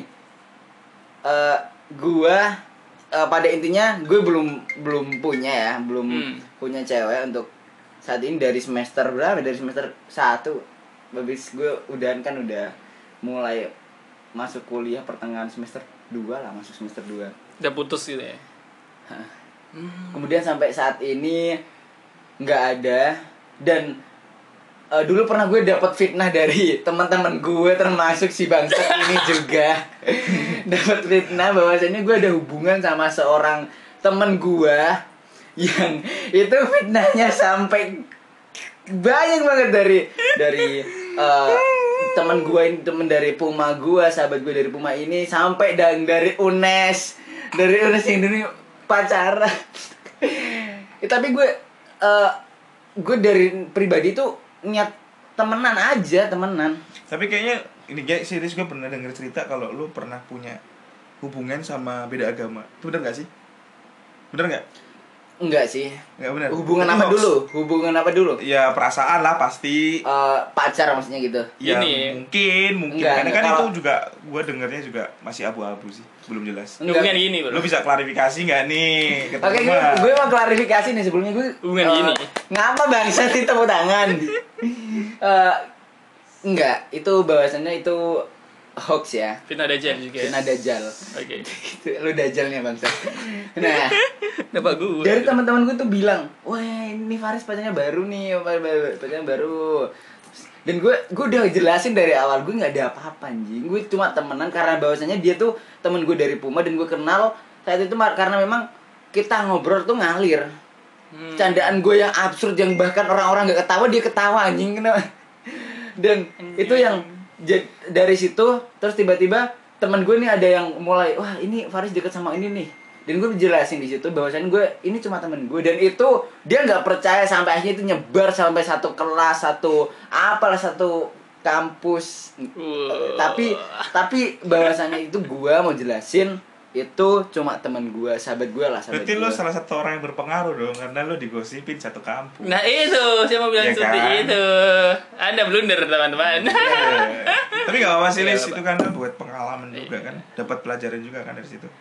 Kalau lu harus lebih hati-hati sebenarnya. sama temen ya Iya, sama sama siapa pun Temen, itu iya, yang langsung bersinggungan sama lo lah. gue, gue pernah merasa mikir salah sih terlalu baik sama sama orang ya Wal- Padahal suatu kewajiban kita untuk berbuat baik. Ya, tapi itu sebenarnya. anjing karena kan Anda tidak menjalankan sunnah Rasul loh. iya apa Rasul. tapi sumpah itu kesalahan anjir kita berbuat baik pun salah Itu itu berat bro, buat sini tuh. ya pada intinya gue gak punya pacar ya siapa pun Jadi Faris tuh pernah dijadikan alat sebagai Iya. pengisi Eh, perut. Eh, iya, itu guys. dibahas nanti, nanti. Oke, oke. Kapan-kapan lah. oke Jadi intinya belum punya pacar untuk sekarang. belum anjing kenapa lu per tekanin terus si anjing Oke lanjut, ada tanya lagi dari Mbak Embun Dulu wakil BMF tahun kemarin Iya. Ada dua pertanyaan dari dia Yang pertama itu eh, arti arti bahagia menurut kalian tuh seperti apa? Faris dulu, Faris. Faris, Faris. Gantian lah, gantian. Oke. Arti bahagia bahagia adalah ketika gue merasa gue suka dengan apa yang gue lakuin sih sama diri gue sendiri gue gue Hmm. merasa itu nyaman buat gue Coli, coli sesaat bro itu bro Aduh. Ngabisin tisu, Riz, kagak anjing kenapa lu spontan seolah-olah itu hal-hal yang biasa lu lakuin sih anjing Memang iya Iya. Nggak yang gini guys. Ah, dan ah, kebahagiaan menurut gue pribadi di mana gue merasa gue senang dengan apa yang gue lakuin, gue ngerasa nyaman dan gue ngerasa itu nggak nge bikin orang eh, terganggu. Hmm. Ya, Itu ya, ya, sih. ya, ya. bahagia Jadi apa yang lu anggap bahagia lu lakuin membuat diri lu bahagia tapi orang lain Nggak merasa terganggu. terganggu. Kayak gitu. Oke. Mas Adit? Terima kasih. podcast Om, apa Embun, Bun. Iya dari Bambun. Mbak Embun. Iya, makasih Bun. Bisa gak sih Bun ini tak balas lewat WhatsApp aja. Ya Bun? Allah. Langgain dulu met saya. Aduh. Karena Mbak Bun calon istri saya. Iya. iya Allah Pengennya, pengennya. Pengen ya. Apa ya Bun yang arti kebahagiaan buat buat gue ya? ketika saat Buat bersamamu Iya, itu terlalu kaku ya. Bahagia itu ya apa yang dilakuin itu bisa buat manfaat buat orang lain gitu loh. Kan ada tuh kita kadang melakukan sesuatu yang mungkin gak ada manfaatnya. Akhirnya terus kita terus kita punya ekspektasi yang tinggi dari apa yang kita lakukan, akhirnya gagal dan situ merasa tidak bahagia atau kecewa sama diri sendiri. Yang sebenarnya benar yang dikatain Pak Aris. Bahagia itu ketika kita melakukan suatu hal yang bisa buat bahagia orang lain. Ada satu momen di mana gue ngerasa bahagia banget. Gue nggak pernah ngerasain ini sebelumnya. Ketika KKN nih, ketika KKN waktu itu eh, jadi MC waktu itu. Padahal sebenarnya dulu nggak pernah jadi MC dan satu-satunya eh, kesempatan sih waktu itu sebenarnya. Karena waktu itu satu alasan kenapa mau jadi MC nggak ada orang di Korcam yang nggak mau jadi MC. MC. Iya. Ini yang cowok ya. Dan alhamdulillah waktu itu MC yang cewek ini mencoba untuk eh, ngasih ngasih motivasi sih sebenarnya ngasih motivasi. Dan waktu itu juga sempet sempet dipertanyakan mengenai kamu kan presiden mahasiswa, Iya. kenapa tidak mau jadi MC? Gitu. bapak Ya, anjir. itulah yang mungkin sempet sebel sebel. ya jadi tantangan juga sih sebenarnya karena sebelumnya belum pernah jadi MC. Lah ketika itu karena takut kan itu sampai keringet dingin aku jadi MC di Expo KKN di Banyu Biru di Banyu Biru Terus mah bisa takut bro. iya Iya manusiawi lah ya. Jadi waktu itu kayak dapat momentum nggak berani buat ngomong terus akhirnya kayak dijawil-jawil nih sama temen yang yang jadi partner MC. Ayo ngomong-ngomong aja ketika aku ngomong ketika aku ngomong ini kamu nanti ngomong ini ya gitu. Oke oke oke oke ya. Manut lah karena nggak punya pengalaman jadi MC. Suatu ketika terus kayak ngimprov diri sendiri mulai nyaman sama keadaan itu dan ada satu momen ketika aku eh, ngomong eh, banyol ada nih anak-anak sama warga setempat itu ketawa atau senyum sama apa yang aku sampaikan lah. Ketika itu aku lihat kayak ini yang seharusnya aku lakuin selama ini bahwa apa yang aku lakuin ya memang tujuannya nggak cuma buat aku sendiri. Nggak cuma buat kebahagiaan aku sendiri. Tapi ada orang lain yang mungkin melihat kita tanpa kita juga nggak sebenarnya nggak secara langsung kita ngeliat dia. Tapi apa yang kita lakuin nggak cuma buat tujuannya buat kebahagiaan kita. Itu Hmm. menurutku egois banget kalau kita cari kebahagiaan cuma buat bahagia kita sendiri gitu loh. Makanya itulah menurutku ya itu salah satu definisi kebahagiaan. Salah satu ya sebenarnya banyak nih definisinya kebahagiaan. Ya itu tadi kita bisa buat orang tersenyum tanpa kita ngerugiin dia dengan apa yang kita lakuin dan tujuannya nggak cuma buat kita gitu. Masih. Mungkin buat embun. Buat embun saya akan segera membahagiakan kamu. Ada lagi pertanyaan dari Bambun. Bentar bentar. embun nih banyak tanya juga ya bun ya. Dua pertanyaan. Ini yang kedua. Sebagai agent of change, anjir kayak presentasi ya sebetulnya yang paling utama kita rubah apa dulu sih dari diri kita?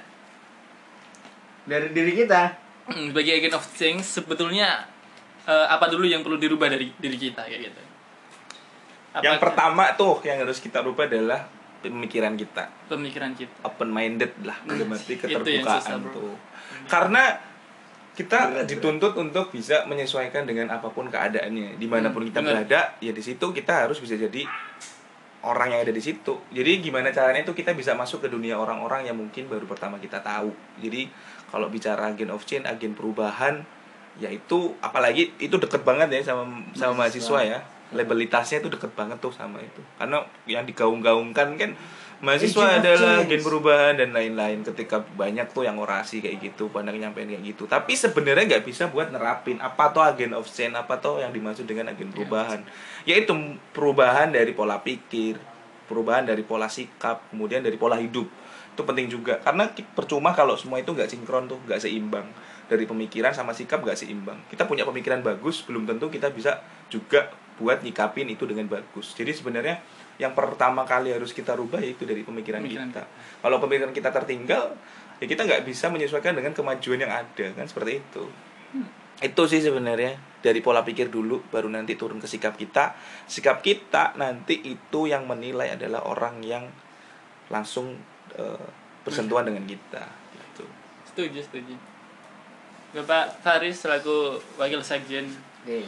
nomor induk mahasiswanya berapa bapak Gue Abdul, gua Ya. Abdul bukan Faris. Abdullah nama Abdul Qadir. Jalani. Oke, jadi apa yang perlu kita ubah dulu ya? Eh, apa yang perlu kita ubah yang pertama? Apa yang perlu kita ubah? Berarti kita itu dong berarti kita memang belum sejalan dong berarti harus kita ubah. Dari diri kita ya untuk menjadi agent of change. Mungkin ijazah dari SMA harus minimal 8 Oke, yang harus kita ubah bahasanya adalah eh apa anjrit? sabar sabar dong. Gue baru mikir anjir apa ya? Eh, mungkin dari sudut pandang kita ya. Hmm. Sudut pandang kita kita nggak melulu harus pu- punya satu sudut pandang. Kita juga perlu Melihat sudut pandang melihat lain. dari sudut pandang orang lain yang mungkin bahasan kalau kalaupun menurut kita salah belum tentu itu salah untuk orang lain. Dan Ah. kalaupun menurut kita benar itu nggak nggak melulu itu benar buat orang lain. Dan itu yang menurut gue harus diubah harus bener-bener ayolah jangan melulu kamu lihat sudut dari sudut pandangmu dulu eh dari sudut pandangmu aja coba kamu coba eh, seolah-olah kamu jadi orang lain dan kamu melihat itu itu sih kita harus pandai untuk menempatkan diri kita di mana pun berada Heeh, bener-bener Seperti itu Kak Embun dari dua pertanyaan tadi. Semoga puas dengan saya. waduh Oh ya, ada pertanyaan lagi dari eh, Yaya, yaitu Wakil Ketua Hima Ekonomi. sih Ah, terima kasih Ini, ini mbak apa Mak? Mbak Mbak Yaya. oh mbak ya, ya. Mungkin ini pertanyaan akan mudah bagi kalian, tapi akan susah bagi saya. gitu. waduh Bagaimana cara menjadi pemimpin yang baik? Ini kan sangat mudah bagi kalian. Ada ranah kalian sekarang. ini kan juga ranah anda Bukan Bangsat. bukan gitu kan. Ada kan sudah pernah jadi wakil ketua dan masa itu juga pernah menjadi ketua hima juga dan sekarang jadi presma. Ini adalah sepele lah bagi kalian. lu dulu nih apa tadi pertanyaannya tadi Bagaimana cara menjadi pemimpin yang baik gitu. pemimpin yang baik eh ini sebenarnya evaluasi buat gua ini Wah, gimana Pemimpin. tuh? kayak kritikan buat gua juga ini Bisa sih, bisa. pemimpin yang baik ya pemimpin yang baik kita nggak tahu lah baiknya oh, pemimpin tuh Seperti apa? dari kalau gue dulu ya Hmm. ketika dua gue memimpin adalah yang menurut gue baik adalah ketika seorang pemimpin itu bisa disegani disegani. disegani Maksudnya? dan dalam dalam apa gue kembali lagi ya bahwasanya ketika anggota seluruh anggota anggota lo tuh enak gitu sama lo dan eh, mungkin nyaman atau mungkin Hmm. bukan nyaman Iya, dalam iya, artian iya, iya, iya. Apa anjrit? Makanya nyaman ketika mau cerita apa pun Hmm. tentang hal mungkin dari hal organisasinya bahkan sampai kehidupan kepribadinya kayak gitu. Itu akan Oke. berarti oh berarti orang ini udah mulai ada chemistry lah sa- sama ke apa namanya ketuanya. Hmm, iya iya.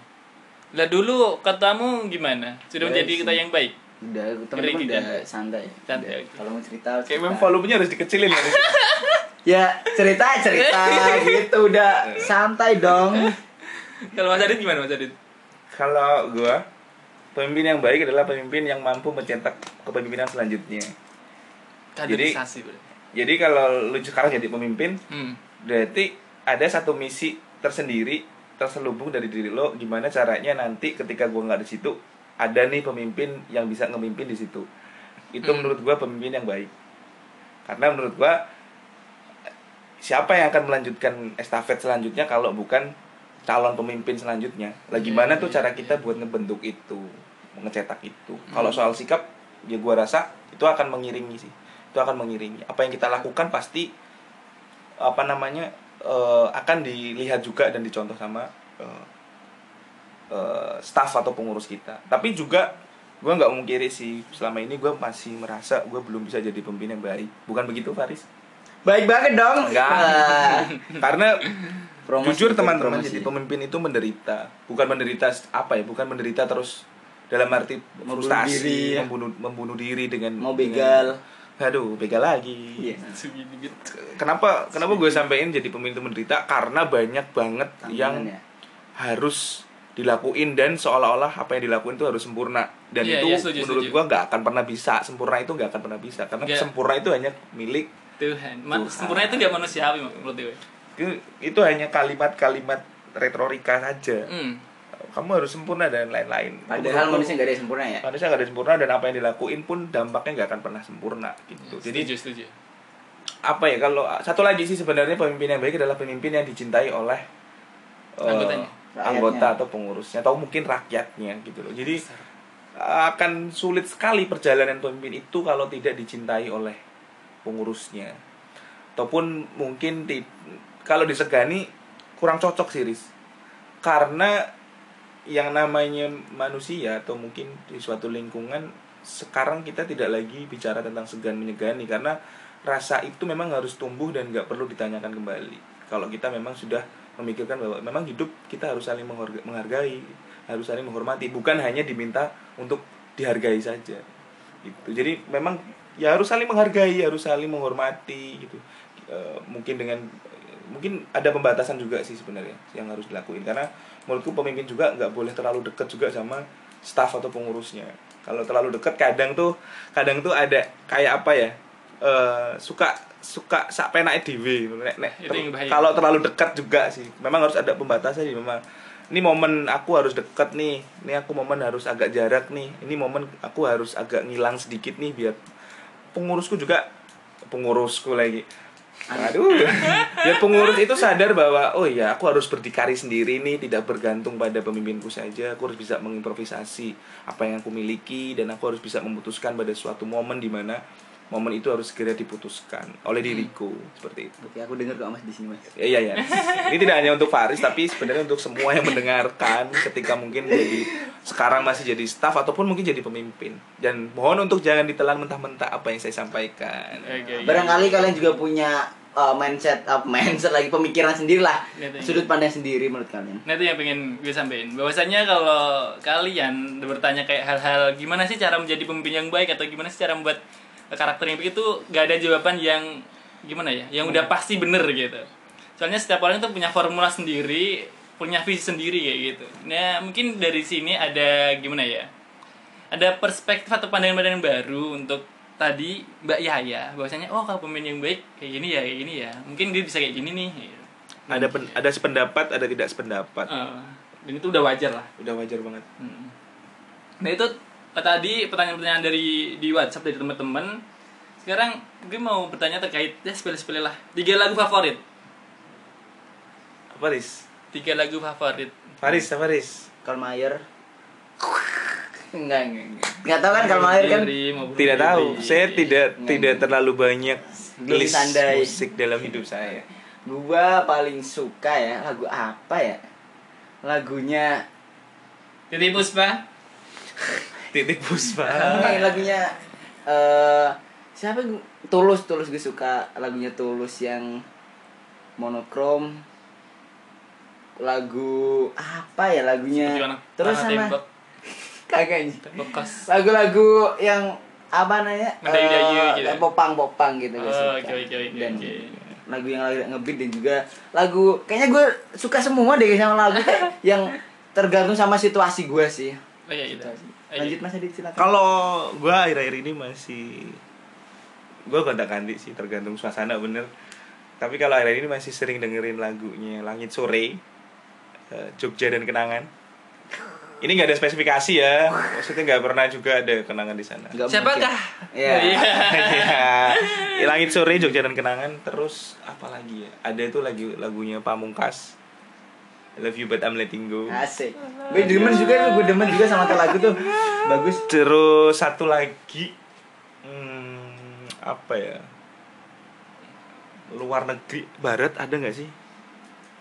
Hmm, Keroncong protol. Keroncong Iya. protol. Gonden dong. Apa ya? Eh Ini pensil alis. gak ada gak ada. Kayaknya satu lagi nih dari Pamungkas One Only. One and only. Itu itu, itu kerasa banget sih. Kerasa banget itu. Kalau dimaknai. Oke. Sekarang pertanyaan terakhir. kalian kan di organisasi nih idola kalian di organisasi itu siapa kalian pengen seperti apa akhirnya gitu di organisasi ya iya apa Riz? ah gue gak punya idola gue gue ngerasa Ada sih satu idola yang benar-benar Oh, sampai iya. gue idolain sampai sekarang. siapa itu Bapak Rektor. Bapak Mudi Pak Mudi itu sama seperti Munawir Oh Nawir. Oh, Eh, menteri apa dia Menteri apa Riz? kemen temen lu luar negeri ya dalam Oh, Eh, dalam banget ya. dalam dalam negeri Karis Menteri Dalam Negeri. Negeri. Menurut gue kayak Pak Rektor itu sebenarnya bukan bukan jadi idola utama juga sih. Tapi salah satu eh apa namanya? karakter yang mungkin gue membuat gue idola sama Pak Rektor adalah eh, beliau itu pemimpin yang menurut gue lembut sekali dengan mahasiswanya. mahasiswanya. Hmm. yang itu mungkin bisa bisa menjadi salah satu bentuk eh, apa ya kesayangan atau kecintaan beliau terhadap mahasiswanya. Dan itu tidak semua pemimpin gue rasa memiliki Bisa, itu dan iya, bisa iya, untuk iya, itu. iya. dan beliau sangat terbuka sekali orangnya. Terbuka dalam arti ketika saya pernah ketika suatu momentum ketemu beliau eh, yang dulu nggak pernah tuh punya pikiran bakal duduk bakal ngobrol bareng sama beliau. Karena dulu ketika maba kayak ngerasanya jauh banget buat buat salaman atau buat buat nyapa pak rektor tuh kayaknya jauh banget ada jarak yang jauh banget. Iya dan sampai sekarang diberi posisi yang seperti ini alhamdulillah bisa bisa Ngobrol. ngobrol bisa duduk bareng gitu jadi itulah momentum yang mungkin Tuhan nggak langsung kasih ke kita tapi nunggu waktu yang tepat buat kita, buat kita itu dapetin itu. Nah itulah yang dulu mungkin aku ngerasa ada jarak sama Pak Rektor nggak mungkin bakal bisa ngobrol ataupun duduk ataupun salaman.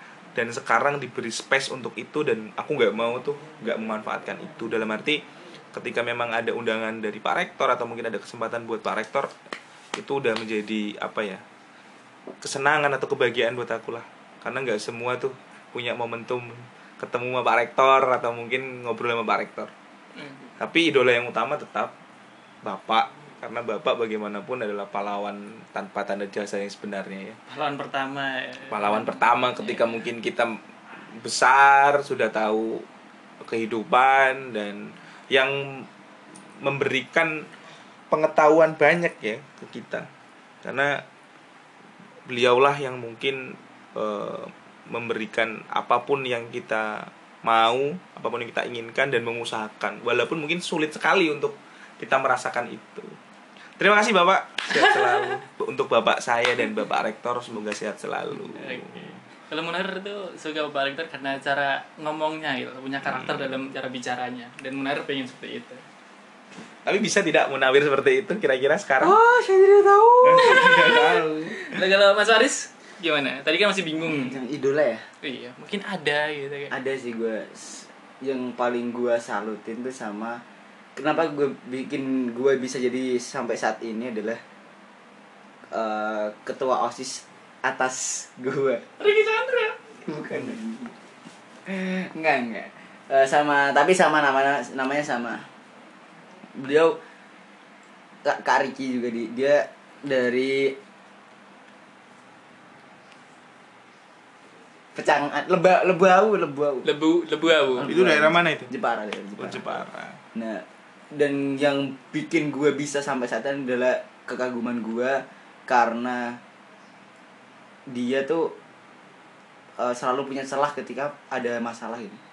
Dulu karena pak, pak, bah, waktu acara osis tuh dulu ada banyak banget masalah dan memang nggak nggak semua langsung diselesaikan cuman dia memanfaatkan beberapa celah agar dia bisa masuk dan bersama seluruh anggota itu bisa masuk situ hingga akhirnya tuh masalah tersebut bisa dipecahkan bareng-bareng. Dan ketika bikin acara acara kayak kegiatan event event gede lah lumayan gede dia punya kayak punya strategi sendiri gitu. Kalau misal gini kita harus ini nih kalau kita gini tuh mereka kayak punya kepastian mereka tuh bakal ikut kita gini gini kayak punya strategi sendiri lah itu yang buat gue pengen jadi seperti dia yang menurut gue itu keren banget dan semoga baik-baik aja sih di sana karirnya Siapa namanya? Eh, siapa gue lupa anjir Jangan salam, kita mau salam Oh, iya. cuy. tapi gue lupa namanya kayak lupa gue Oke lah. gue udah lupa anjir Kalau gue idola di organisasi sih Nabi Muhammad. pada zaman Nabi tidak ada organisasi bro Cukup lah cukup. Oke. Eh, baik teman-teman jadi itu tadi serangkaian dari apa ya bincang-bincang santai kita. Dan satu lagi gue ingin tanyain. Ini pertanyaan gue pribadi sih. Nggak ada kepengenan apa ya eh, yang harus ditayangin di podcast. Tapi gue pengen ngerti dari kalian sendiri.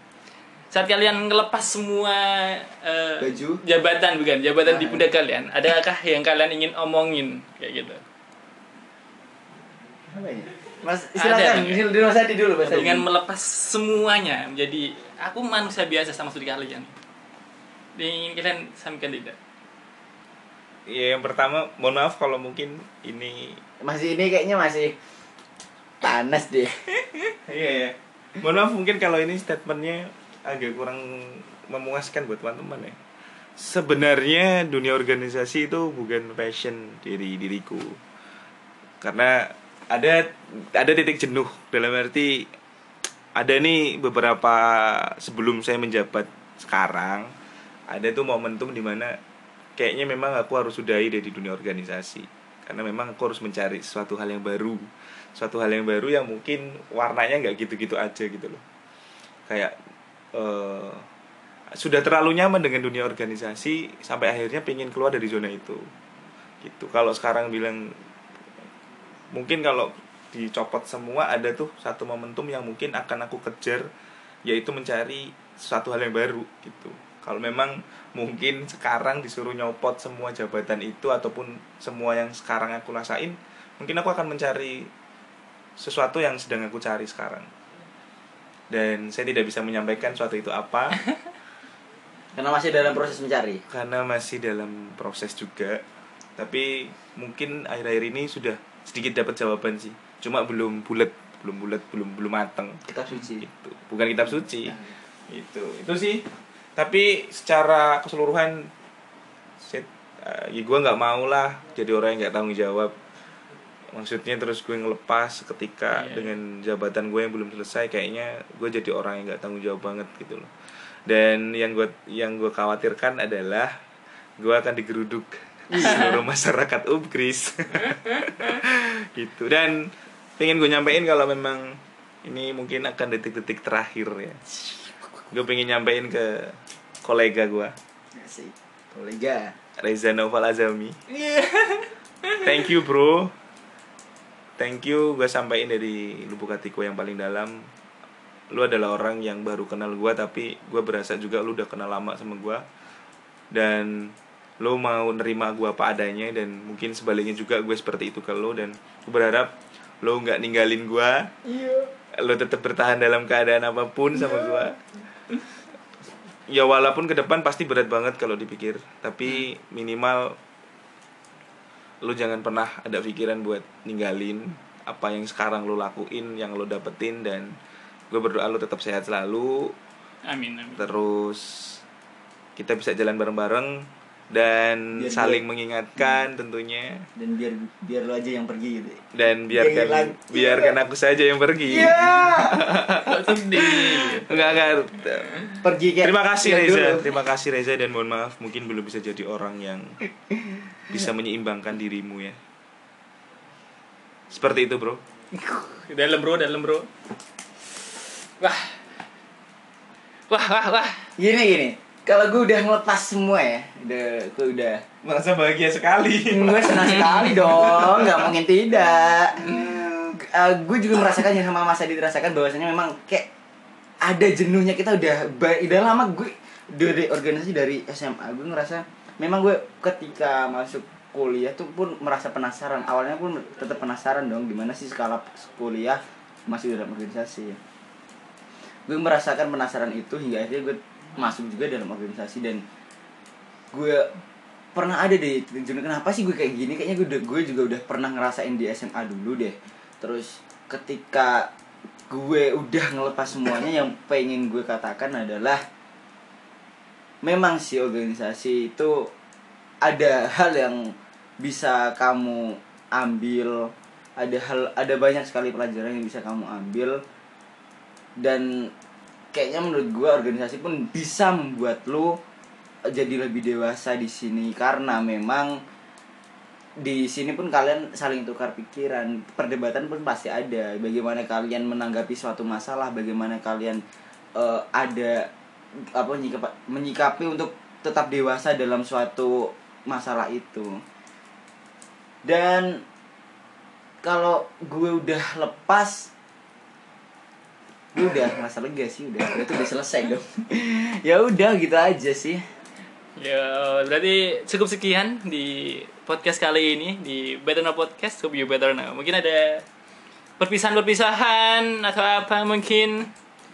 Oh ya gue mau nyampain bahwasanya mungkin yang tadi gue sampaikan kalian ketika gak setuju pun nggak apa-apa gitu ya, ya, ya, bebas dan bebas. kalaupun kalian pengen eh, adu argumen pun jangan dong tapi nggak kalau kalian nggak setuju nggak apa-apa kalau kalian pengen ngobrol-ngobrol bareng kita pun gue gue mas pribadi gue pun nggak apa-apa kalau kalian pengen ngobrol sama gue nggak apa-apa ayolah kita ngobrol ngopi, ngopi, ngopi bareng pun bisa jadi gue belajar sama lu dan bisa jadi pun ya Sebaliknya gitu. Heeh. Oke. dan eh, udah deh Oke. Kalau dari gua Terima kasih Noval Paris Eh, sudah meluangkan waktu. Tapi bener sih kata Paris, jangan ditelan mentah-mentah. nggak apa-apa nggak sependapat, yang penting tidak menghujat. Enggak enggak eh yang ingin disampaikan sebenarnya apa yang saya sampaikan, apa yang gue sampaikan gua ya gua Hmm. itu sebenarnya nggak ada yang menarik tapi mungkin teman-teman bisa ambil poin-poin yang mungkin eh, bisa tuh sesuai dengan keadaan teman-teman dan tentunya harapannya em, apa yang kita obrolin nih terutama dari sisi gua bisa kasih manfaat mungkin dari apa yang gue sampaikan walaupun mungkin gak ada yang menarik sama sekali tapi mungkin dari obrolan malam ini ada tuh eh, poin-poin yang mungkin bisa didapetin dari sisi teman-teman sendiri gitu. Jelas Tapi dong, jelas. sekali lagi ya jangan di, jangan ditelan mentah-mentah. Seperti itu. Ditelan kalau sudah matang. panas-panas Panas-panas. oke Terima Oke. kasih sekali lagi. Oke, terima kasih buat semua yang udah denger sampai akhir. Jangan lupa di-share juga ke teman-teman. Jadi cukup sekian, bye. emang pas zaman nabi ada itu ya organisasi Tidak tahu, Bro.